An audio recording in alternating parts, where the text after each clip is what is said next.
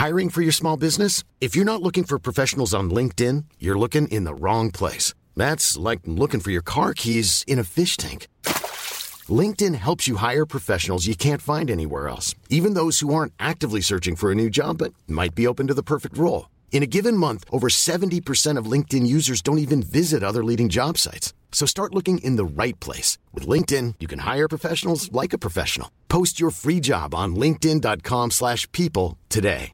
When you're ready to pop the question, the last thing you want to do is second guess the ring. At Bluenile.com, you can design a one-of-a-kind ring with the ease and convenience of shopping online. Choose your diamond and setting. When you find the one, you'll get it delivered right to your door. Go to Bluenile.com and use promo code LISTEN to get $50 off your purchase of $500 or more. That's code LISTEN at Bluenile.com for $50 off your purchase. Bluenile.com code LISTEN. Millions of people have lost weight with personalized plans from Noom, like Evan, who can't stand salads and still lost 50 pounds. Salads, generally, for most people, are the easy button, right? For me, that wasn't an option. I never really was a salad guy. That's just not who I am. But Noom worked for me.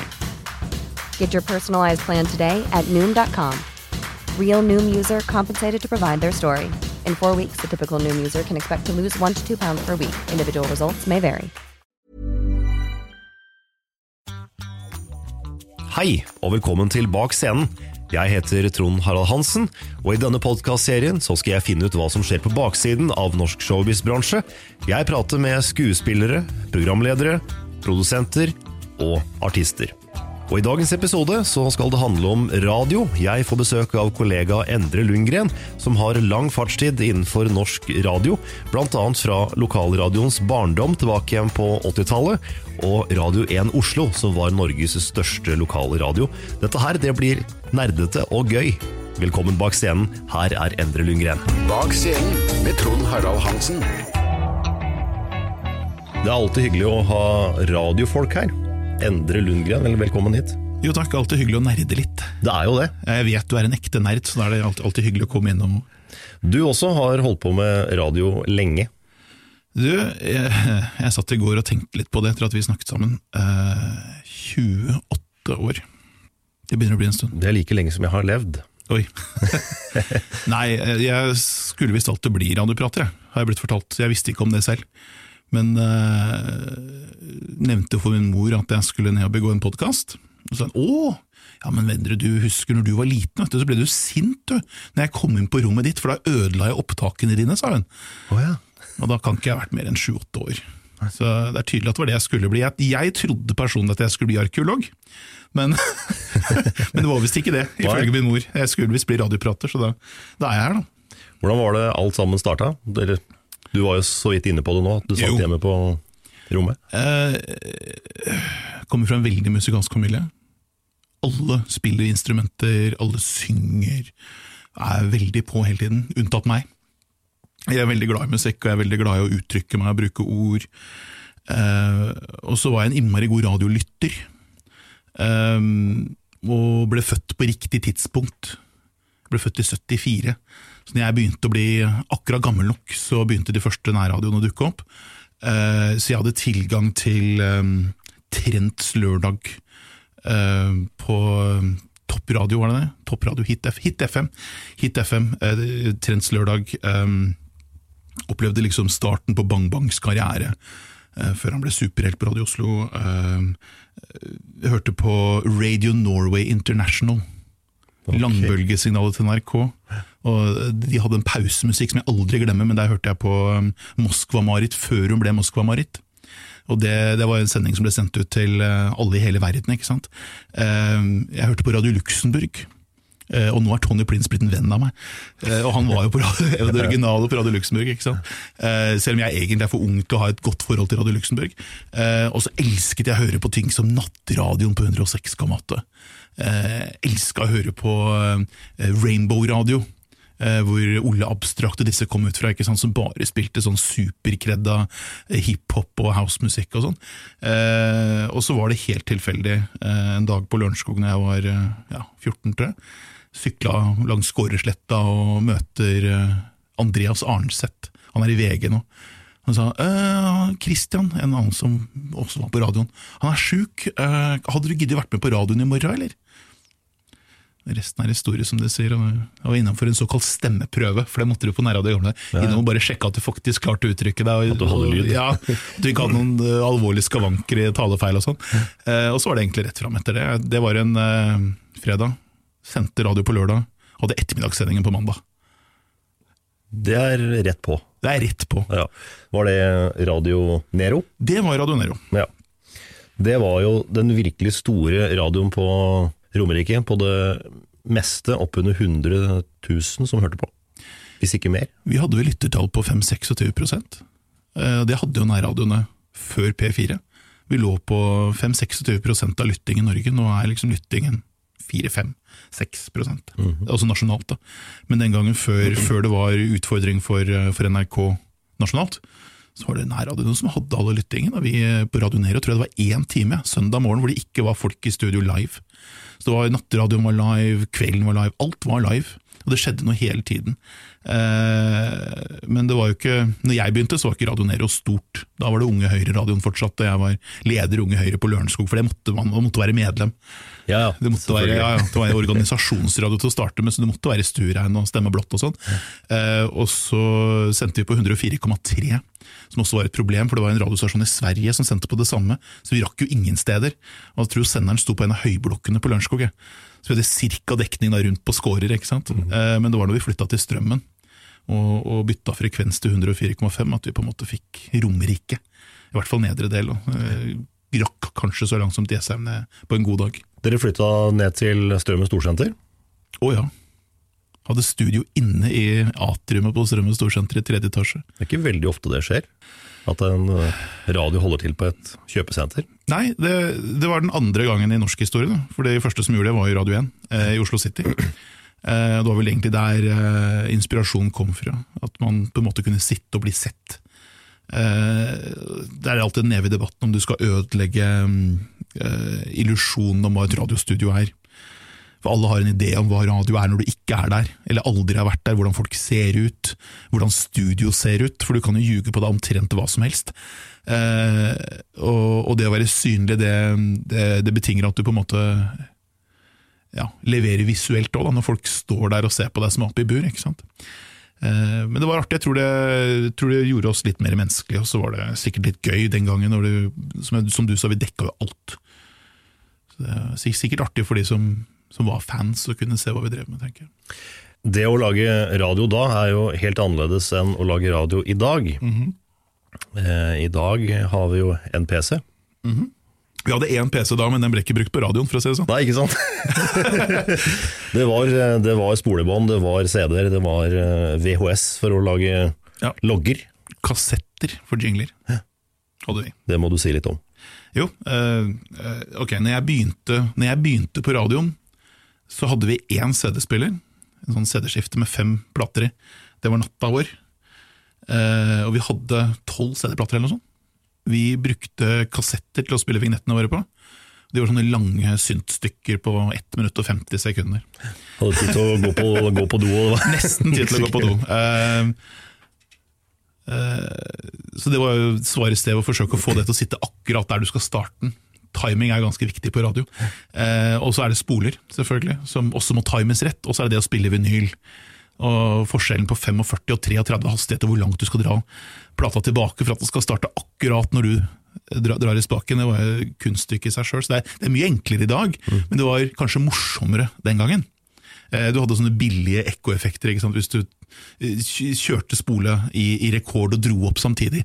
Da fikk du ekko med en gang, og du kunne lage litt effekter når du hadde konkurranser. sant? Endelig! Du er en vinner, vinner, vinner! vinner. For en billig ekko. Eh, Da har du knapper som gjør sånt. ikke sant? Jeg syns det, det var spennende, fordi jeg fikk det til. Mange fikk ikke til det å, å skulle få ting til å time opp, men jeg fikk det til. Ja, For det er jo, det er jo et eh, helt eget fag. Ja, absolutt. Eh, Det som skjedde ganske øh, rett etter at jeg begynte på radio, var at platebransjen slutta å sende ut vinyl. Den aller siste singelen jeg fikk sendt til meg, var Roxette med Joyride. Det er 1991. Eh, ja, Det var det aller siste jeg noen gang så. Etter det så var det ikke noe mer. Men før det så døde jo kong Olav. Eh, Jeg kan love deg at det er det én ting vi ikke hadde, så var det klassiske plater. Så vi raida biblioteket på Lørenskog for klassiske CD-plater.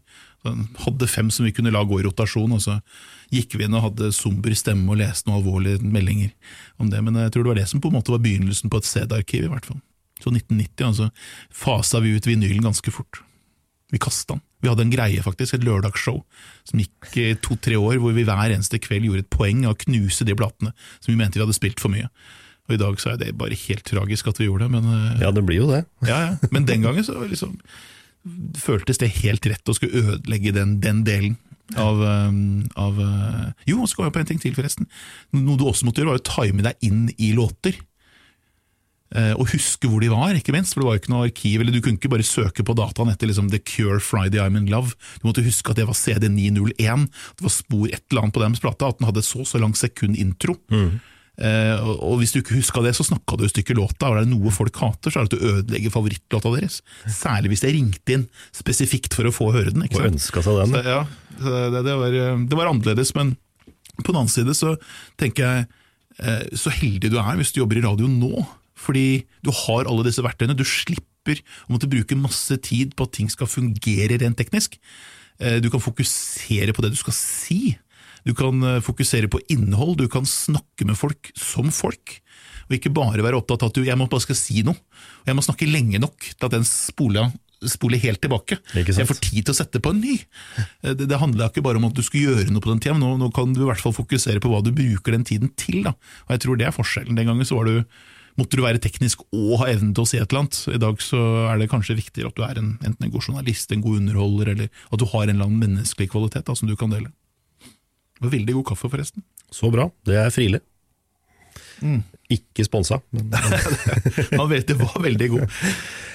det fins jo en, en veldig fin film som viser eh, Kenneth Andresen i dag i P4. Eh, som eh, viser fakter med fjernstart av, Det var det studio. av CD-spiller, og liksom hele den Ja. pakka der, da. Ja, det er akkurat det studiet jeg jobba i. Eh, og det var jo todelt til og med. Fordi de tenkte jo at det skulle være en teknikersituasjon, og at programlederen satt i et rom på innsiden. Da var det nyremikk, altså en mikrofon som sto ned fra taket, og som eh, kunne hente alle som satt rundt bordet. Eh, og som politisk radio så måtte du ha det, for da kom liksom fem stykker fra, fra Lørenskog Høyre og skulle prate om hjertesakene sine i kommunen. ikke sant? Eh, og det brukte du mye tid på, for det var de som betalte for gildet. Eh, det gikk fort over, heldigvis. Um, uten noen politisk kommentar for øvrig, men det er ikke spesielt trivelig radio å høre på. Det er ikke heldig. Det er ikke, så det var egentlig ganske kult. uh, uh, setupen og, og det, det du snakker om, altså P4-sjefen som sitter her, det, er kanskje den lengste introen i verden. Altså hadde han, lang, altså. hadde han møtt opp i P4 i dag som programleder og lira av seg akkurat den samme glosen, så hadde han vært oppsagt. Men det hører vel også tida til. Ja, ja, vi skulle prate mest mulig, og det var liksom floskler og uh, heng på gutta og sjalabais, det var alle disse uttrykkene, ikke sant? så du måtte lire av deg, det var greit, det var sånn det skulle være. Eh, det er en grunn til at på en måte, altså Howard for eksempel, da, som jo var på Radio Oslofjord omtrent samtidig, uh, at han hadde sitt bærbare fredagsparty, og det var lekre smekkere Emma, liksom. det gikk an å bruke sånne type ting, det funker ikke i dag, tror jeg. Det gjør ikke det. Ja, altså Hvis du ikke er ordentlig fan av gamle dager, da. Men ja. Artig du skulle nevne Kenneth, forresten, for det var veldig mange av de som var gjennom Radio Nero akkurat da, som på en måte har spredt seg for alle vinner nå. Altså Bjarne André Myklebust, som er en av de tekniske toppsjefene i NRK, var jo der. Eh, Rune Hafskjær, som er digitaldirektør i P4, var jo der. Eh, jeg skulle sikkert forsøkt å komme på veldig mange flere, men veldig mange av de som, som var med på Radio Nero sånn rundt eh, 1989-90, de, de har på en måte, de har fortsatt med radio i en eller annen form, og så har de bare spredt seg rundt. og Det, det er artig å møte dem og kunne eh, ljuge litt om hva vi drev med den gangen. Og det er jo veldig stilig at det også er én stasjon som da har fostra så mange, da. Ja. Vi eide Romerike, og det betød at enhver som ønska jobbe i radio, måtte dit for å, for å få noe karriere. ikke sant? Eh, Det var ikke bare å reise inn til Oslo og få seg en jobb. Eller hvis det, det kunne du sikkert, men du fikk ikke den jobben du ville ha. da. Den gangen så var det vel stort sett bare Radio Limelight og Radio 1 som var verdt å jobbe i. Eh, og så, Det var litt sånn soss og frik-valget. Du måtte enten velge Limelight eller Radio 1. du, kunne ikke, du kunne ikke like begge to. Det, det går jo ikke. Nei. Så, nei. Men det å jobbe i radio, det på den tida, hvordan var eh, lønna da? Å nei, jeg visste du skulle spørre om det. For, um, for fortelle det var jo ikke så Nei, nei. Glamorøst? Eh, Nei, nei, nei overhodet ikke. Jeg hadde 2600 kroner i måneden. og selv den gangen så var det ufattelig lite penger. Men det vi også hadde, at jeg hadde barteravtale med omtrent hele næringslivet på Romerike. Så jeg hadde eh, Hva heter det for noe? Saga Pizza. heter Det Det lå i krysset på Strømmen. De leverte pizza. Så der kunne jeg i hvert fall spise pizza to-tre ganger i uka. Og så var det pannekakehuset inne på Strømmen Storsenter. Salatbaren, de jentene som jobba der, de var fans. De sørga alltid for at det var mat der etter stengetid, så vi på en måte kunne feie forbi og plukke opp litt salat og sånn. Eh, Piccolo Pizza var i kjelleren. Det var en kompis av meg som drev den. Så det, ja, bare gå ned, låse opp og fiks deg en pizza. Det tar fire minutter. Ikke sånn svær pizzaovn å lage seg pizza. Så vi levde jo litt på det, pluss at, for å være helt ærlig, du bor hjemme hos mor og far, og du Lever livet. Du sykler til jobb. Det, det, uansett. Og så var du kompis med dørvakta, på, eller til og med eieren på Checkpoint Charlie, som liksom kom ned dit og fikk deg en gratis øl. Ellers hadde du ikke overlevd. Jo, altså, jo, så hadde vi klesavtale med en eller annen Jeg husker ikke hva den butikken het engang. Det var en butikk inne på Strømmen Storsenter. Det eneste de ville, var at vi liksom skulle prate litt pent om det, men dette her er ulovlig reklame for alle penger, men det var jo det det handla om. ikke sant? De hadde jo ikke penger til å reklamere for, og vi uh, hadde ikke noe penger å leve av, så da fant vi en løsning oss imellom. Så fungerte ganske greit. Ja, ja. Ja. Vil du tro at det er andre yrker hvor folk ofrer så mye?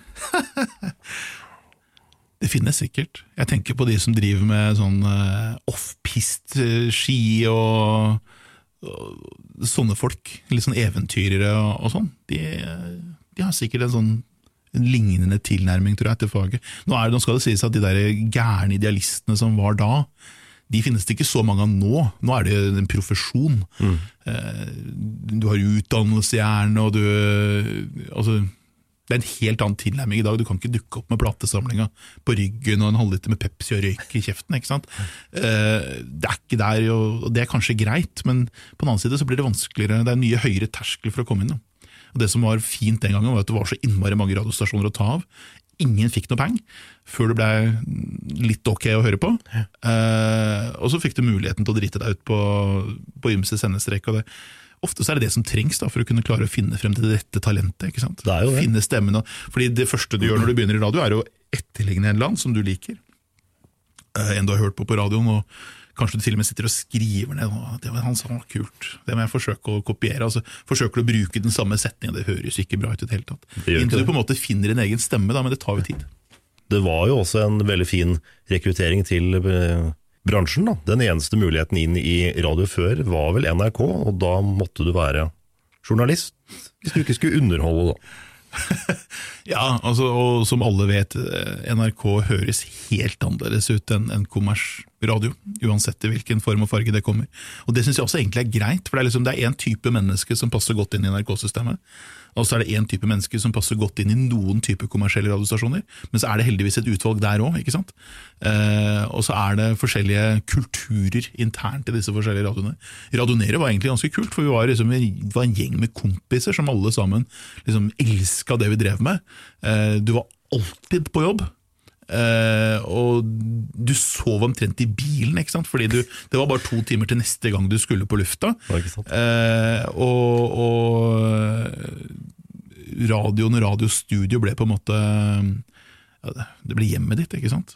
Du hadde et nærmere forhold til, eh, til toalettet på jobben enn du hadde hjemme. Du så det oftere, for å si det sånn. Eh, som kanskje er trist for noen, men så tenker jeg det jeg fikk igjen for det, og liksom jobbe så godt som gratis, jobbe livet av meg i fire-fem år, var at jeg fikk en karriere ut av det som jeg kunne leve av etterpå. Og Hadde jeg ikke på en måte investert i årene, så hadde jeg ikke hatt det etterpå. Jeg har ingen utdannelse. Nei. Jeg slutta på skolen for å jobbe på radio. Jeg, jeg ringte min far opp jeg, og sa du pappa, øh, jeg har slutta på skolen. Jeg. Og nå er vi altså, jeg er tredje klasse på videregående, det er noen måneder igjen. Jeg er russeredaktør, altså. Og da hopper jeg av, fordi vet du hva, jeg har lyst til å jobbe på radio. Jeg bryr meg ikke om det nattsjø, men jeg, jeg kan ikke helt se at den passer for meg. Så liksom alle disse vage ideene jeg hadde hatt om å bli arkeolog eller advokat, eller altså, hva enn det var jeg ønska meg den gangen, så plutselig så gikk det opp for meg at jeg, men vet du, alle fibre i kroppen min sier radio. Jeg er en kommunikatør, jeg elsker å snakke, jeg elsker å snakke til deg, og jeg ønsker et forhold til deg gjennom radioen. Vi skal være verdens aller beste venner, og vet du hva? Vi skal holde lag, liksom. Og det funka jo til en viss grad. da. Ikke sant? Det, det, det ble karriere av det. Selv om jeg ble sparka, faktisk. Jeg fikk fyken på radio flere ganger. Eh, og Den ene gangen er direkte tragisk. Det var jo faktisk på, på Lørenskog, eh, hvor jeg var eh, programleder sammen med en som het Gaute Iversen. Han tror jeg fortsatt er i gamet som journalist, skrivende journalist i dag. Vi hadde et eh, program som het Aktuelt. Eh, ja, ambisjonene var høye, da, kan Ja, si. ja, ja. Og vi hadde invitert uh, en uh, uh, skal jeg vokte mine ord vel, for hun eksisterer vel fortsatt og kan høre på denne podkasten, men Heidi Søftland hun var i hvert fall nasjonalist den gangen, om ikke enda verre. Og vi syntes det var interessant å skulle gå henne litt etter i sømmene og finne ut hvorfor Norge skulle være hvitt og for nordmenn og, og sånn. Og så skjer det at mitt, og han var verre røyker enn det jeg var, jeg slutta for ti år siden nå, men vi, vi røyka som skorsteiner, det var jo også noe vi trodde vi måtte gjøre for å være på radioen. Eh, og han reiser sånn midt opp i, under intervjuet mens denne dama prater, og jeg sitter i kontrollen, og begynner å vandre ut, for han skal ta seg en røyk. Midt okay. under programmet. Jeg forstår jo ikke hva han driver med. Så jeg river ned mikrofonspaken min, trykker inn talkback og skriker det er ban- Bannskap er lov? Ok, Ja, ja. Så jeg skriker 'Sett deg ned, din pikk'! Alle ser på meg nå, for det jeg har gjort, er å trekke ned spaken til studio.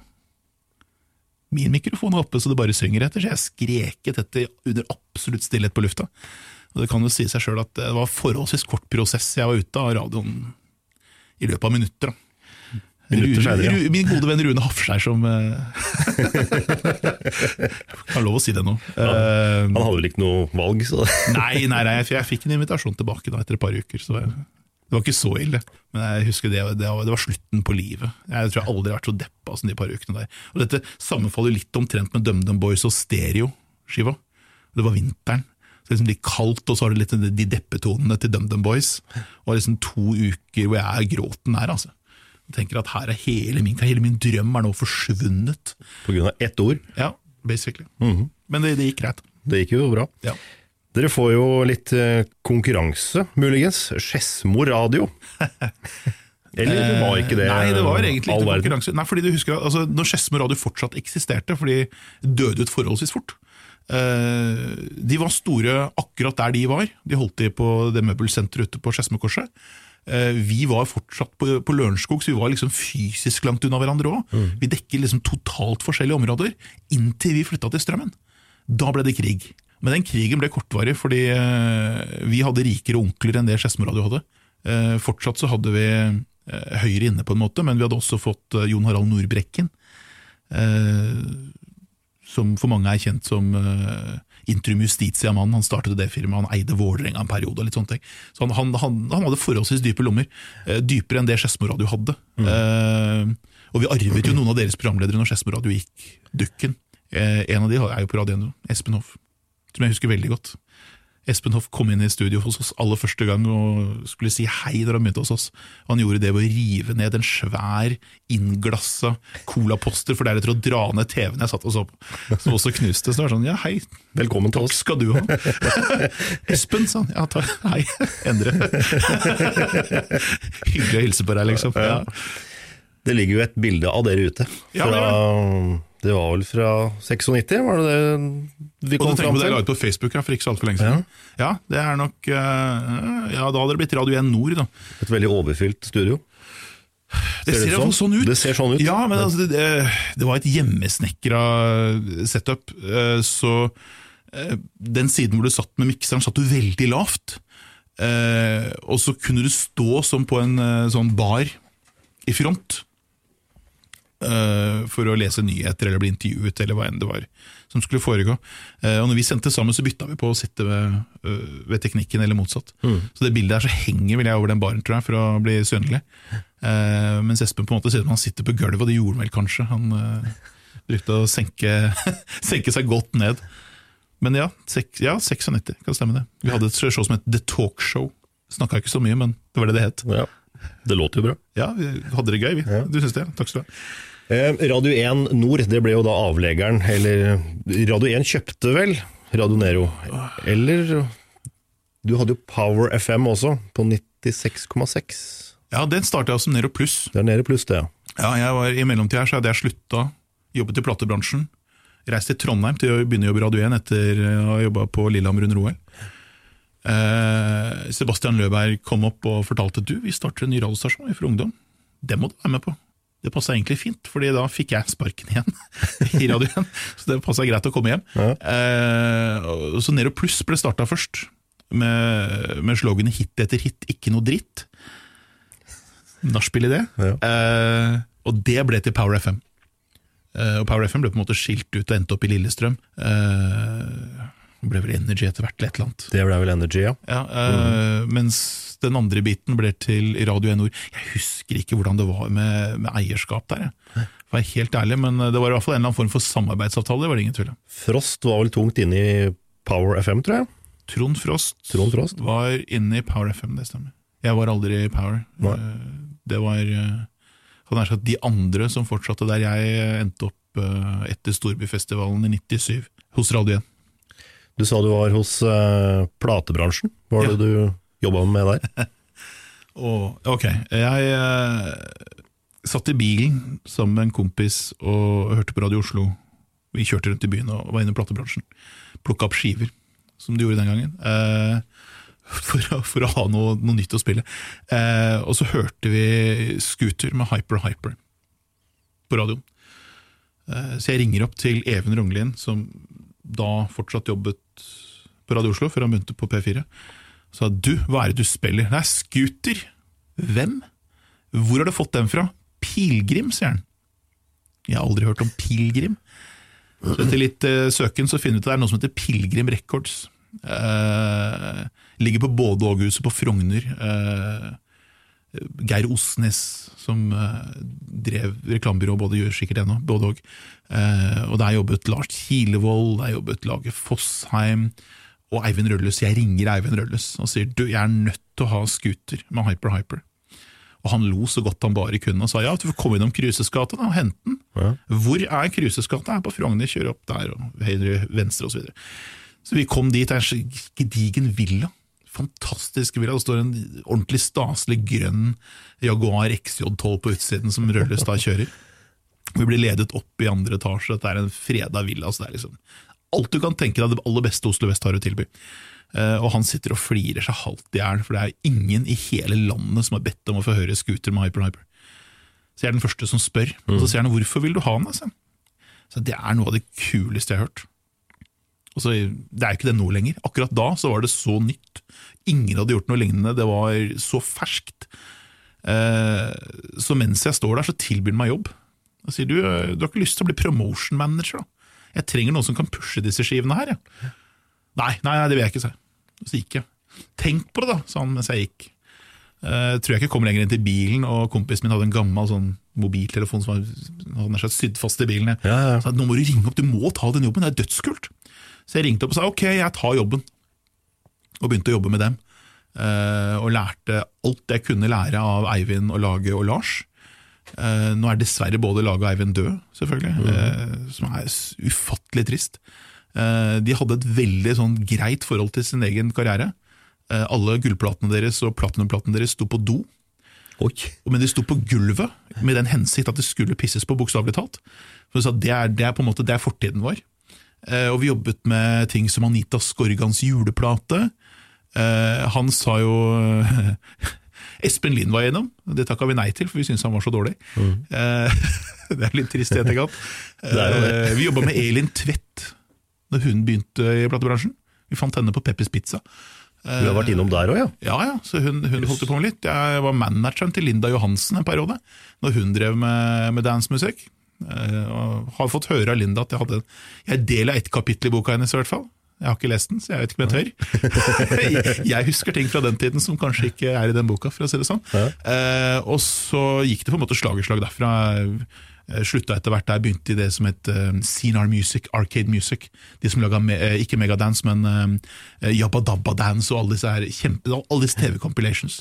Smurfene òg? Ja, Smurfene. Jeg synger på den første Smurfeskiva. Alle korene der, så er jeg med og, og korer. Akkurat, ja. Eh, og en dame på økonomi som oversatte alle smurfetekstene. som et lite sånn kurium. Eh, og da jeg jobba der, så fikk jeg det ærefulle oppdrag å si opp Bjøre Haalands platekontrakt. Og si opp Hanne Krogs platekontrakt. Så hvis dere ikke liker dem, så kan dere takke meg for at det ikke ble mer plater. Eh, og så begynte jeg i det selskapet som het Edel, som hadde scooter på, i Danmark. Og jobba med Maria Montell, som var kjæresten til kronprinsen der nede. Og vi fikk ganske mange artige opplevelser. Ja, ja. Men jeg innså etter hvert at eh, det som er meg nærmest, er jo ikke å lage musikken. Det er jo å spille. Ikke sant? Å kunne kose meg med å ha den helt andre biten av, eh, av, av den opplevelsen. da. Selv om platebransjen er fantastisk spennende, og det er, det er artig å kunne jobbe med folks karrierer. Eh, hjelpe til med å finne de rette låtene, rette eh, plateprodusentene. Eh, legge en plan for hvordan de skal markedsføres. Kjøpe tid på TV, eksempel. Det er, Å få dem videre. det er, du skal ha litt baller når du Many of us have those stubborn pounds that seem impossible to lose, no matter how good we eat or how hard we work out. My solution is PlushCare.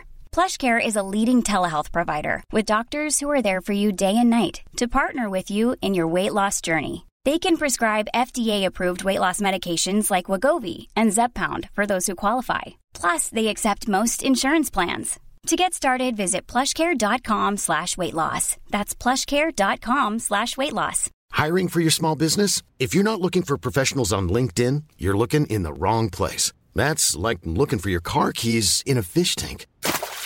LinkedIn helps you hire professionals you can't find anywhere else, even those who aren't actively searching for a new job but might be open to the perfect role. In a given month, over 70% of LinkedIn users don't even visit other leading job sites. So start looking in the right place. With LinkedIn, you can hire professionals like a professional. Post your free job on linkedin.com/people slash people today. Begynner å signere ut millioner av kroner, eh, og det hadde jeg ikke. Det var ikke for meg. Eh, så jeg, jeg kom tilbake igjen til radio, og endte opp da faktisk på det bildet du snakka om. Rundt 96 så var jeg tilbake igjen i radio. Eh, Pål Hartmann, P4-stemmen, var blitt redaksjonssjef der. Jeg ble henta inn for å, å på en måte styre ting litt, og vi skulle hete Radio 1 Nord. Selv om vi brukte Radio 1-navnet bare, for vi syntes Nord hørtes ut som vi var en plass liksom litt syd for Bodø eller noe sånt. Ja, ikke sant? Eh, hadde, jeg følte liksom ikke at det hadde noe med, med Romerike å gjøre. Ikke bare det, men eh, Radio 1 Nord Vi var jo veldig- øst for byen, vi var Ja. ikke nord for byen. Så vi, vi forsto ikke den helt. Men det som var litt kult med det, da, var at det var tydelig noen i Oslo som fikk med seg hva vi gjorde. Og jeg fikk en invitasjon til å være med på noe eh, hos Radio 1 i Oslo. Eh, og fikk mer sånn under hånden vite at dette er i prinsipp en audition. Eh, og min audition var Storbyfestivalen. Den aller første Storbyfestivalen på Rådhusplassen. Eh, og ble liksom introdusert for eh, ja, Lars Eikanger, blant annet. Rune Dahl, Gild Bottolfsen, eh, Bjørn Forlund, som fortsatt da var der, Marius Kopp Altså alle disse kjente navnene, ikke sant. Og ikke bare det, men jeg ble faktisk satt til å lede programmet på radio. Fra en liten bunkers nede på Rådhusplassen, mens disse sto og meska seg på scenen med alle disse store artistene og sånn. Og det gikk sinnssykt bra. Ja, det, var, det var den dagen hvor alt stemte. Du vet hvordan det er når du kommer inn i studio. Alt stemmer. Liksom, Mm. Alt bare du glir. sier, ja, Ordene kommer lett til deg, og det bare, alt bare glir, og alt er fint. Eh, nå hadde jeg lyst til å jobbe begge steder. Jeg, jeg hadde lyst til å være på Romerike fortsatt, for jeg elska å være på lufta på Romerike. Synes det var fantastisk, Jeg kjente jo romerikingene, og de kjente meg. Vi hadde et godt forhold med hverandre. Så jeg vil gjerne gjøre det samtidig som jeg var på lufta i Oslo. For det, det oppdraget jeg fikk i Oslo, var i prinsipp eh, Pepsi Music Live eller noe sånt. Dette programmet gikk på fredagskveldene. eh, før toppradio. Eh, og det var, det var det. Jeg hadde jo ikke noe mer å gjøre der. Men eh, da bestemte Radio, Radio 1 Nord seg for at nei, nå må du velge. Så da, da gikk jeg for det som jeg alltid hadde drømt om. Guttedrømmen var å jobbe for Radio 1. Selvfølgelig. Radio Ja. 1 Oslo. Ja, Radio 1 i Oslo. For da hadde jeg allerede jobbet i Radio 1 i Trondheim, som var kjempekult. Jeg, jeg, jeg jobbet på ettermiddagen. Jeg overtok etter Hasse Lindmo. Det er litt store sko å fylle. Eh, var der i ni måneder, og forferdelig. Eh, Fordi når du er ung, jeg fylte 20 når jeg var der, eh, når du er ung i en by hvor du ikke kjenner en kjeft, som særlig er en studentby, så er det veldig vanskelig å på en måte, Du får ikke venner. Eh, Du har ikke tid, for du jobber så hardt med å liksom skape karriere. og sånn. Så det, var, det fungerte jo på lufta, det, det gikk jo veldig bra, gode ratings og alt mulig, men nei, det var å reise hjem. Og Jeg tror det var en god idé. Det, det leda på en måte dit hen til slutt, hvor jeg endte hvor jeg ønska å være. Men var det holdt på å si, programlederne slapp til mye før da enn nå? Du, du sier du var 20 år når du hadde ettermiddagen på Ja, men De skulle ansette en som var 30. Radio 1. Ja, de, de ville ha en som var rundt 30. Men de fant ikke en som var rundt 30. Eh, det de i stedet fant, var meg og Kjetil Løseth. Som, eh, og Erik Skarrud. Eh, Kjetil Løseth kom via Gjøvik og inn til Radio Nettverk og var nyhetsoppleser der. Han er jo politisk reporter nå på TV 2. Og Erik Skarrud, som jeg vet ikke hvordan han endte opp i radio, han har vel sikkert også en fargerik historie, regner jeg med. Og Han jobber som en av nyhetssjefene på Tyholt nå. Oh, ja. Men vi tre ble på en måte importert fra Østlandet samtidig, for å fungere, altså på et eller annet vis overta der oppe og gi de litt nytt blod og sånn. Men tanken var at jeg, eller den rollen jeg skulle ha, skulle være en, en person på rundt 30, med litt livserfaring og gjerne litt familie, og du skulle på en måte ha den holdningen på lufta. Men de fant jo ikke det, de fant meg. Og jeg fylte 20 det året jeg var der, jeg visste ikke hvem uh, Odd Iversen var, eksempel. Uh, Brød meg ikke om fotball for fem flate øre. Men uh, uh, det var ikke verdens beste miks. Det fungerte veldig bra som jeg sier, lyttertallsmessig, og jeg lærte en hel del. Jeg ble ganske ydmyk, ble feit. Jeg gikk fra 60 kilo til 116 faktisk på ni måneder. Oh, det, sier, ja, det sier litt om hvor deppa jeg var ved å være der. Det var ikke gøy. Altså. Det var direkte kjipt. Eh, og Det har ingenting med Trondheim å gjøre. Det hadde egentlig ikke noe med Radio 1 å gjøre heller. Det var liksom bare kombinasjonen av en haug med faktorer som ikke funka. Ja. Så da jeg kom hjem, så var jeg såre happy, men jeg tjente jo plutselig ikke penger igjen. da. Var liksom tilbake til den der eh, ideelle virksomheten og måtte ta noen harde valg, og jeg bestemte meg for å fortsette med radio. Eh, og det endte da på med at jeg til slutt fikk eh, innpass der jeg ville. Det tok jo sin tid, da. Radio 1 Oslo er jo legendarisk. Det er jo kjempesynd, forferdelig, at den ikke eksisterer noe mer. Ja, jeg syns det, det er en skam at øh, Og eieren er jo den samme, eller eierstrukturen er jo der som den var den gang, men nå er det Bauer Media som eier Radio Norge. At ikke den kanalen heter Radio 1. At ikke den ble riks... øh, At de ikke fullførte og videreførte det som var da. Nå er det mulig jeg tviholder på gamle dager, altså, men jeg synes at det som ble gjort både før min tid og mens jeg var der, er noe av det beste som er laget lokalt og regionalt i Norge noensinne på radio. Eh, Det var et knippe med eksepsjonelt dyktige folk på ett sted. Eh, altså Espen Lindgren, for eksempel. Bare for å nevne ett eksempel. Mannen, eh, jeg tror han så politiradioen stående på inni øret. Han var alltid på, han. Du visste at når det skjedde noe i byen, så kunne du skru på radioen. Enten samtidig som det skjedde, eller i hvert fall morgenen etter, og du fikk vite hva som hadde skjedd. Du trengte ikke lese avisen, det, vi visste hva som hadde skjedd. Eh, var det noen artister i byen, så slå på Radio 1, der er de. Altså. Er det en konsert som du har lyst til å gå på, ja, men billettene får du hos Radio 1. Er det en fet ny låt, ja, men den får du først på Radio 1. Eh, er det mm, en kule programledere, kule eh, konkurransekonsepter, er det kule giveaways, hva som helst. Det var, liksom, det var Radio 1 som var stedet å gå, ikke sant? Helt utfattelig for meg at, at det på en måte skulle forsvinne. Det kosta fryktelig mye penger å gjøre det der. Jeg vet ikke om de noen gang tjente penger. Uh, Men eh, på en måte det, det, det er ikke produktets feil her, det er noen som ikke klarte å selge det. Ellers var ikke markedet klar, for jeg vet ikke hva som skjedde. Men det som ble levert var sinnssykt bra. Det lød så kule. Uh, Og vi var så stolte av å få lov å gjøre det. Eh, ikke, ikke, ikke stolt i at liksom, du var kongen på ja, Ok, kanskje du følte deg konge på haugen, men du var også litt ydmyk i forhold til den oppgaven du hadde. ikke sant? Fordi det var Du visste at det du leverte var noe som så mange tusen mennesker var på til enhver tid. Og det gir deg en del ansvar, ikke sant? Og det du sier blir på en måte nærmest dissekrert ned i sin minste detalj. Uh, og når du har sagt det, så kan du ikke ta det tilbake. Eh, Men så vet du at du kan skape noe kult ut av det. Du kan ha en artig atmosfære rundt det. Du kan skape disse fantastiske eh, visuelle ting bare ved å snakke lyd. Nei, det Jeg er riktig lei meg over at den tida Jo, men vet du hva, jeg, jeg, jeg, Selvfølgelig. Altså, det, var, det var målet mitt, det var drømmen min å jobbe i Radio 1. Så du kan tenke deg når jeg var, ja, jeg var 19 da jeg begynte i Radio 1 i Trondheim, eh, og så var jeg vel ja, Hvor gammel var jeg? 97? 23 var jeg da jeg kom til Radioen i Oslo. Um, og Da følte jeg liksom Nå har jeg, toppa alt. Da. Nå, hva, hva gjør jeg nå? nå, har jeg innfridd drømmen her. Nå, jeg, da vet jeg faktisk ikke hva jeg skal gjøre lenger. Men det var innmari eh, fantastisk. Eh, selv om den første sendingen som jeg hadde der, var samme kveld som alle de menneskene hadde sett opp til på radio, hadde fest samtidig. Og den festen hadde de utafor studio. Så jeg sitter da og skal ha et åpningsstikk på en ny radiostasjon i et nytt studio som jeg aldri har vært i før, og som jeg alltid har ønsket å være i, mens alle de jeg ser mest opp til, er seks meter unna meg og ser på meg, hører på meg på radioen samtidig mens de drikker. Prestasjonsangst. Eh, Det var et kort åpningsstikk, for å si det sånn. Det vet du. Ja, jeg brukte ikke, men jeg tenkte her skal jeg ikke bruke for mye tid. Jeg skal jeg sørge for at jeg er safe. Eh, og Hvis du ikke har jobba på radio noen gang, kan jeg fortelle at eh, det å holde tilbake oppkast, det, det er omtrent det beste jeg kan forklare det som. Hvis det er et nytt studio, og du vet det teller, det betyr noe det du skal gjøre nå. Ikke så mye for lytteren, kanskje, det betyr så mye for deg. Og så vet du at den som på en måte skal signere på slutten og si at ja, men det er greit, du jobber her nå, den hører på. Åh, Ja, det er ekstremt spesielt, og vi radiofolk er litt sånn Ja, hva skal jeg si, vi er jo veldig opptatt av hva vi gjør, kanskje mer enn mye annet, da. Ja. ja, men du må, du må jo være det. Du har et sånn, for det første har du et veldig spesielt forhold til forkjølelse. Eh, jeg kan fortelle at De siste tre ukene så har ikke jeg sovet i min egen seng. Jeg har ligget på sofaen eller på gulvet og sovet fordi kona og dattera mi har vært syke. Eh, Jeg har skygga banen. Eh, Og det, er fortsatt noe som henger igjen. Og jeg er ikke på lufta hver dag som programleder i så måte. Jeg leser nyheter nå. Så, liksom, det er en helt annen hverdag, men det, er, henger så tungt i. Og som du sier, altså, Jeg hadde et foredrag en gang. og jeg sa det at Husk det at programledere er de mest usikre menneskene på planeten.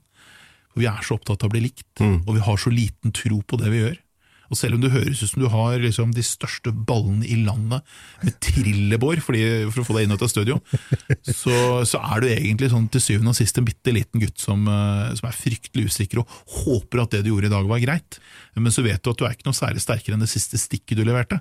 Og hvis det ikke var bra åh, det er en dårlig dag, altså, helt fram til du kan gå i studio dag igjen og liksom på en måte rette opp det inntrykket. Så ja.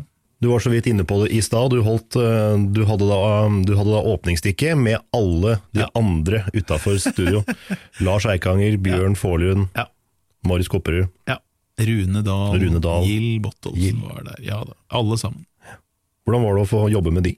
Veldig fint. Um, du Hierarkiet som, som eksisterte på Radio 1, som programleder, så var du liksom Jeg skal ikke si det var opphøyet, men du tilhørte en egen klasse, på en måte. Og du holdt veldig sammen, for du visste det at ja, greit nok, vi, vi jobber litt med å treffe diverse mål og skal levere lyttertall og sånn, men eh, hvis vi på en måte klarer å, å drive dette fremover, og sånn, som, en, som en gemen hop klarer å, å gjøre oss selv sterkere, da, så, så, så bidrar vi til suksessen for brandet. ikke sant? Vi kan bære den Radio 1-fanen og være stolt av det og være en del av det. Eh, og Det som var veldig fint i den perioden, så var det en veldig sosial gjeng. så vi, vi hadde en fast bar, som kanskje finnes ennå. Jeg, jeg har ikke gått der siden jeg var der sist. For å si det sånn. Bar 1 på Aker Brygge. Lå ved siden av det som sikkert nå er Latter. Eh, hvor vi brukte å samles og ta noen øl og på en måte være kompiser. Jeg satt eh, sammen med Gild. Vi satt eh, ganske langt langskap, og så satt det to og to programledere nærmest. Eh, så jeg satt med, med Gild bak meg. Eh, og det gir jo en mulighet til å få et veldig nært forhold, og du, du blir veldig nær, ikke sant? fordi du utleverer deg selv så mye, så du, du får vite om kjærlighet og kjærlighetssorger, og ting som går bra og ting som går dårlig, og du kjenner eh, kollegaene dine på godt og vondt, kanskje nesten like godt som dem, dem selv kjenner seg selv. Da. Eh, og det var det forholdet vi hadde, eh, og det er eh, et privilegium å være så nær, eh, og det hjelper deg til å levere bra. For du kan treffe en tone i studio med en gang. Altså, for eksempel, eh, hva skal jeg trekke som et, som et eksempel? Jo, eh, vi, når vi gjennomførte Jaget, da, som eh, var et ganske stort konkurransekonsept, ofte så bare henta vi inn programledere på rappen. Men jeg henta dem på rappen fordi jeg visste hva de kom til å si. Ikke sant? Jeg visste hva de tenkte, jeg visste nøyaktig hvilket referansepunkt de hadde, fordi så godt kjente vi hverandre. ikke sant? Eh, og det var egentlig bare deilig å være programleder på radioen. Uh, vi hadde, det var luksusdyr. altså Vi, vi satt med takterrasse utafor studio. vi, vi, vi hadde liksom alt det vi trengte for å kunne levere. Uh, og Det er litt sånn som du leser om Google i dag. ikke sant? Hvordan folk i Google har kul kantine, og de har liksom thaimassasje som rusler opp og ned ryggen din mens du jobber. Liksom, det er omtrent det nivået der. Men du trenger det for å kunne være en ekte kreativ person, og kunne på en måte løsne litt i alle himmelretninger, slik at du leverer det aller beste du kan levere den dagen. Eh, være seg når liksom eh, var det, som, det var en eller annen som bare datt inn i studioet mitt en gang. Hva heter han for noe? Eh, hadde nær sagt Paul Simon, men det hadde han ikke. Paul Young. Ja. Every time you go away, etc. Datt innom. Ja, kom igjen, sett deg ned. Eh, og Den stemningen som er der. liksom, Du har, du, har, du har selvfølgelig respekt for de som kommer inn, men siden du på en måte også er kongen på haugen sjøl, så er du likebyrdig i studio. Du fikk en helt annen atmosfære med en gang. Og det tror du var den, den, den, den følelsen der som liksom ble skapt i det miljøet som var der. Det var det som på en måte var en av de viktigste suksesskriteriene for meg. Og Nå vet jeg at du har prata med Lars, og han var jo programsjef en periode. og sånne ting. Det var helt andre ting de tenkte på. Det er selvfølgelig strategier og det er markedsføring og alle disse andre tingene, men følelsen av å være på lufta, den, den er ekstremt viktig, og det du klarer å levere tilbake av personlighet. Ikke sant? Og Det klarte vi å skape på et eller annet vis, og jeg tror vi skapte det ved å ha de der eh, mellommenneskelige forholdene vi hadde da, internt. Du var jo også så vidt inne på det nå, Jaget, Ja. som var eh, også som Radio 1, det var jo legendarisk det, og en hel by som er engasjert i Hvem er jaget? Ja, husker du låta, eller? Nei, det er jeg funk til. Ok. Det er jeg som synger refrenget på låta. Å ja. Ja. Jeg har aldri sunget i mitt liv. da. Jo, du var jo smurfene. jo, jo, jo, men det var liksom ikke 'nå synger Endre smurfene', det var, det var smurfene som sang smurfene. Mm. det var eh, Ja, det var gøy. jeg visste ikke at jeg skulle være eh, syngerefrenget på den låta. det var artig å kjøre inn til jobben og høre at jeg Hvordan hva? jeg vet ikke om den eksisterer engang, det var morsomt å forsøke å finne tak i. Men Jaget, ja. Eh, kjempekonsept. Eh, som vi stjal, selvfølgelig. Men det var første gang det ble gjort i Norge. Eh, konseptet var enkelt nok. En person skulle gjemme seg, gi noen små, enkle ledetråder om hvor han var, eh, og for å få pengesummen vi lovet ut Og vi lovte vel over en million på en av, en av klua, tror jeg. Det var såpass, ja. Ja, men det jeg tror jeg var siste dagen, så da gikk det ganske fort nedover. Så Hver gang det kom en nytt klu, så skjeva vi av type 300 000. eller Ikke sant? Vi ga jo bort flere hundre tusen i en gang. Altså. Um, men eh, jo, eh, og hele poenget var jo at for å få de penga, så måtte du si 'er du jaget av Radio 1'? Alle løpte rundt i Oslo og skreik 'er du jaget av Radio 1'? Hvis du ikke sa det, altså det er nesten sånn som du ser på film om, om radio sier 'the phrase that pays', så må du svare akkurat det samme når radioen ringer opp. ikke sant? Vi gjorde jo det, sånne konkurranser òg, men dette her var liksom å sette det virkelig på spissen. og eh, det fikk folk til å mm, engasjere seg på en måte som jeg aldri har vært med på før eller siden på radio. Eh, alle er med. Eh, Vi i studio, dette her, jeg vet ikke om folk vet det engang, vi visste ikke hvor han var. Vi visste ikke hvem den jagede var. Det var kun to personer på hele huset som var klar over identiteten til den jagede. Mm. Uh, Vi visste aldri svaret. Vi visste ikke når konkurransen skulle gå av stabelen, bare cirka. Så når telefonen ringte, så ringte den. Da, da, nå er det min jobb å sørge for på, ja. ja, fordi hele poenget her er at vi var på lytterens side. Vår oppgave var å hjelpe lytteren å få peng. Ja. Og det er jo ikke vanlig. ikke sant? Normalt så sitter du Vi hadde uh, disse sydenturene ikke sant? fra starttur. Lucky Seven og de het eh, disse forskjellige konseptene de hadde på morgenen. Uh, og der, er, der skal du være litt gnien, for du hadde bare så så mange premier å gi bort. Men her var greia, vet du hva? Vi vet ikke hvor han er. Her kan vi hjelpe til, og det var hele poenget. Så når telefonen ringte, ja, men ok, nå kjører vi. Få ut så mye informasjon som mulig. Eh, hjelp lytteren. Not gjøre alle mulige notater. Fikk folk til å ringe inn. ikke sant? Og nei, nei, jeg tror det er der! Selvfølgelig ringte folk inn med feil informasjon, for de ville jo finne sjæl. Eh, og, og, jeg har etterpå hørt om folk som organiserte seg med walkietalkies og samarbeida om å finne den jagede, ikke sant? for de ønska penga. Tok seg fri fra jobben, eller skulka jobben, skulka skolen. Eh, og den jagede fortalte jo etterkant, han dukka jo opp på en fest vi hadde når vi var ferdig med hele jagekonseptet, og sa vet du hva, noen ganger så var det helt forferdelig. Folk omtrent gikk i tottene på hverandre, men glemte å spørre om han var jaget av Radio 1. Altså, en av gangene var han jo verdt type 700 000-800 000 kroner, og en person hadde kommet opp til ham og sagt 'du er ikke jaget, vel?' Det var ikke det vi ba om. 'Er du jaget av Radio 1?' Så han sa 'hæ, hvem er du?' Og gikk. Jeg vet ikke hvem det var som ikke sa det rett, men eh, du ble 800 000 eller der omkring fattigere akkurat den dagen fordi du ikke gjorde det rett. Det var helt sinnssykt. Det må være surt. Ja, nei, ja, det var surt for, surt for den det gjaldt, men eh, det ble så utrolig kul radio. det. Alle var engasjert, og så kunne vi tillate oss å være engasjert. Vi fikk en konvolutt inn mot slutten hvis ingen hadde blitt tatt. Eh, det var en svensk markeds... Han var en markedssjef, da, kanskje det. Janne Hartlin het han. Da brukte han å komme inn, for han satt et kontor rett ved siden av hovedstudiet, så vi kunne se bort på han. Og han satt alltid i telefonen og så hemmelig ut, og eh, døra var igjen, og vi fikk ikke snakke med han under hele konseptet.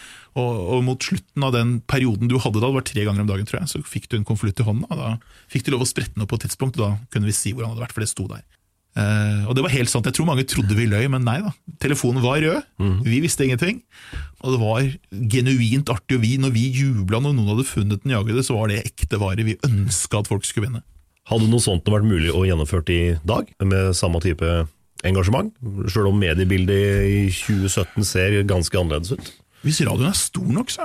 Men uh, er lo, eh, Jeg vet ikke om, eh, om lokalradio har ikke, Kanskje ikke her i Oslo, i hvert fall, for nå er markedet blitt så fragmentert. Det er så mange stasjoner om, eh, om greia. Så kanskje hvis alle småradioene hadde nær gått sammen om konseptet, jeg vet ikke. Kanskje det fungerer, jeg vet, det, det er umulig å si. Akkurat da så fungerte det veldig bra. Det var riktig tid å gjøre det på. Eh, Det var en tid hvor Radio 1 i seg selv hadde en veldig god standing. Jaget ga på en måte en ny dimensjon til det. Hva, hvem som skulle gjort det? Aner ikke. Jeg vet ikke hvem som, Det er ingen som på en måte har den samme tyngden lokalt. I hvert hvert fall ikke i Oslo i dag. I hvert fall ikke Os- Oslo, nei. Nei, det finnes jo mange håpløst. sterke radiostasjoner lokalt i Norge. Mange, og, det, og det er ikke noe gærent med de som sender lokalt i, i Oslo heller, men de er, de er ikke like store som det de en gang var. Da.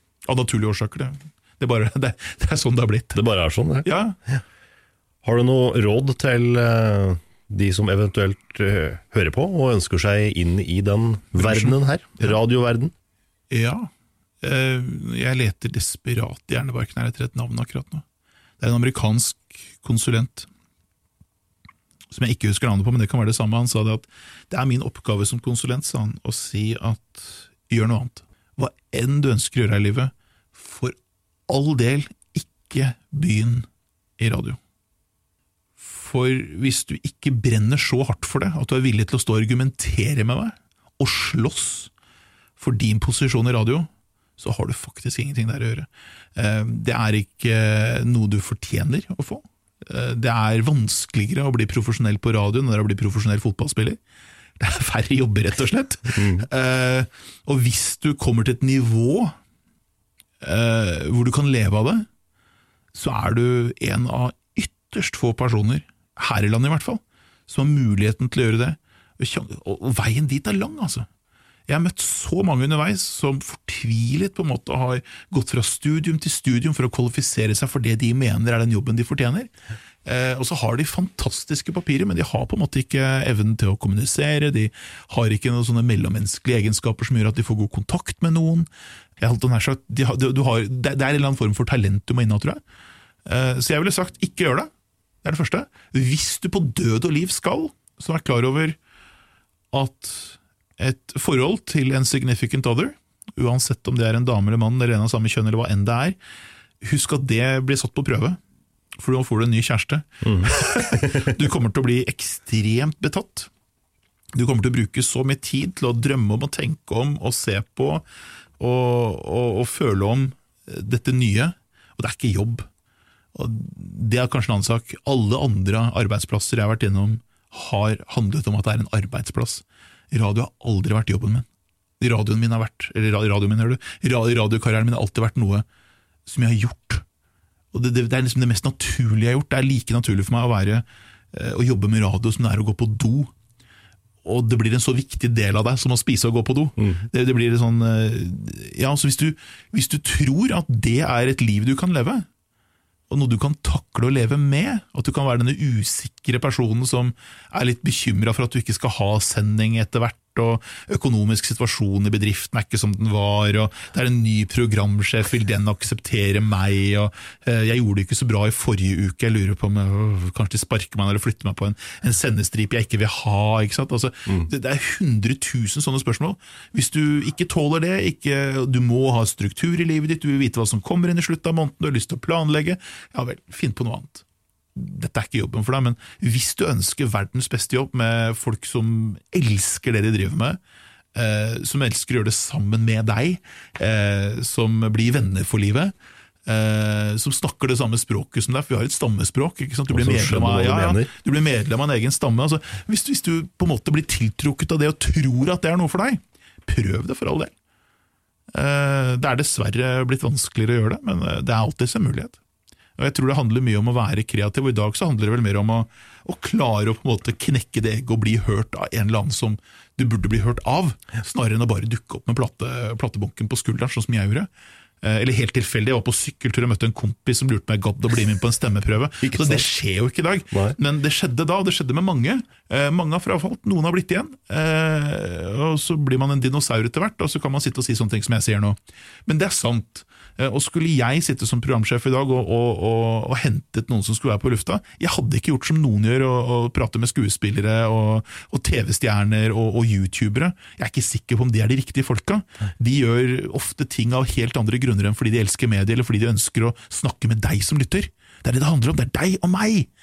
Og hemmeligheten er at hvis jeg sier, vet du hva, det var på 1980-tallet, var sånne hvite biler med, og jeg trenger ikke å si noe mer, for nå er den hvite bilen blitt ekte for deg, du husker den, du vet hvordan han lukter, og vi har skapt en sannhet sammen. Jeg skjønner hva du mener. Ja, ikke sant? Altså, hvis, du, hvis, hvis alle disse tingene er noe for deg, fantastisk, gjør det, men vær kreativ. Finn ut hvem det er du skal snakke med.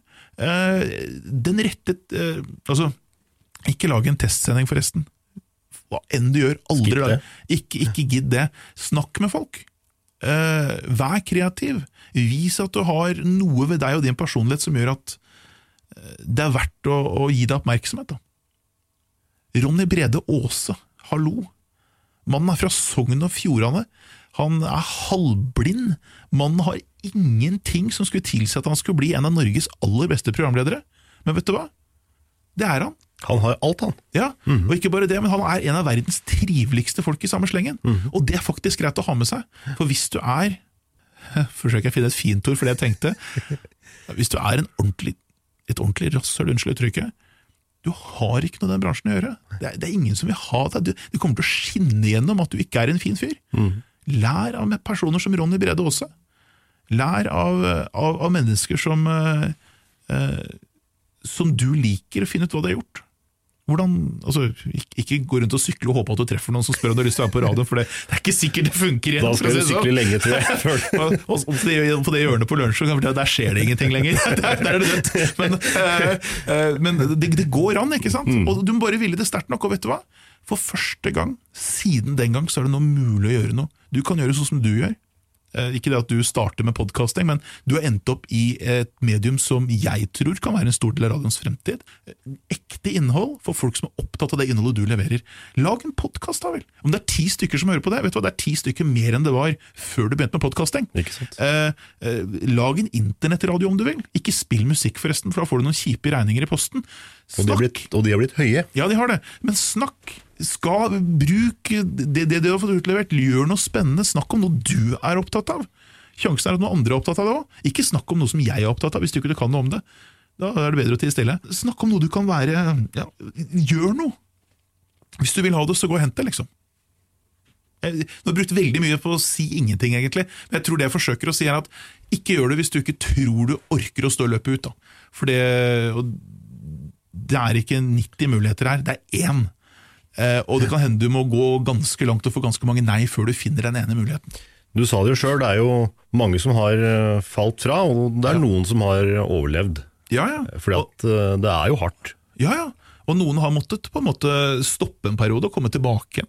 Hvis du ikke har noe å leve av, så sier det seg sjøl at du må altså, du, no, Noe må, må til for å få salt på maten. Altså. Du, blir ikke, du blir ikke huseier av å håpe at du får en podkast-hit, for å si det sånn. Nei, du gjør ikke det. Nei, eh, da kan det godt hende at du må kombinere arbeid og, og ofre fritid for å, for å komme dit. Men eh, hvis du vil, og hvis du vil nok og Det er det samme som jeg sier, hvis du har lyst til å bli profesjonell fotballspiller, så, så er du ute og trener, og du bruker ball. Du håper ikke at du er flink, Nei, og dukker det. opp og sier du, jeg kunne godt tenke meg å spille spiss, jeg, hvis det er greit. Jeg, jeg er eksempel totalt ubrukelig med ball. Jeg, jeg er innmari flink, og jeg er ikke interessert i å se på engang. Da er vi to. Ja, eh, men jeg er innmari glad i cricket. da Men det er en sånn typisk tilskuergreie. Du sitter åtte timer i sola og drikker øl. Og jeg mener, Det er jo ingenting som er bedre enn det. Det er en fantastisk idrett. Det var kjempehyggelig at du stakk innom. Du, Det er egentlig litt rart å skulle få lov å være ambassadør for eh, det jeg mener er en av de mest spennende tidene som lokalradio opplevde eh, på overgangen fra 80- til 90-tallet. jeg, må få lov å si at Egentlig så burde du hatt alle sammen som, som var der den gangen, så kunne på en måte si at vet du hva, vi hadde det innmari gøy, takk for at du lyttet på det. Og, og tusen takk for at du inviterte meg, Fordi det var litt hyggelig å kunne få lov å mimre litt. Bare hyggelig. Ja. Det var min prat med kollega Endre Lundgren. Du har hørt podkasten Bak scenen, podkasten som lar deg få vite mer om hva som skjer på baksiden av norsk showbiz-bransje, og ting du vanligvis kanskje ikke hadde fått vite om. Du finner flere episoder ved å søke opp Bak scenen på iTunes sine podkastsider, eller sjekke ut bak-scenen.no. Er du på Facebook, så kan du gå inn og like Bak scenen på Facebook. Det er veldig hyggelig. Vi høres igjen om ikke lenge. Jeg heter Trond Harald Hansen, og du kan glede deg til neste episode. Da får jeg besøk av Jon Niklas Rønning en gang til.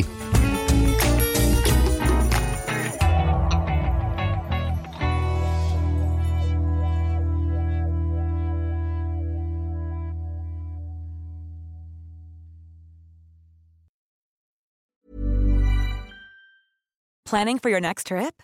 Elevate your travel style with Quince. Quince has all the jet setting essentials you'll want for your next getaway, like European linen, premium luggage options, buttery soft Italian leather bags, and so much more. And is all priced at 50 to 80% less than similar brands. Plus, Quince only works with factories that use safe and ethical manufacturing practices. Pack your bags with high-quality essentials you'll be wearing for vacations to come with Quince. Go to quince.com slash pack for free shipping and 365-day returns.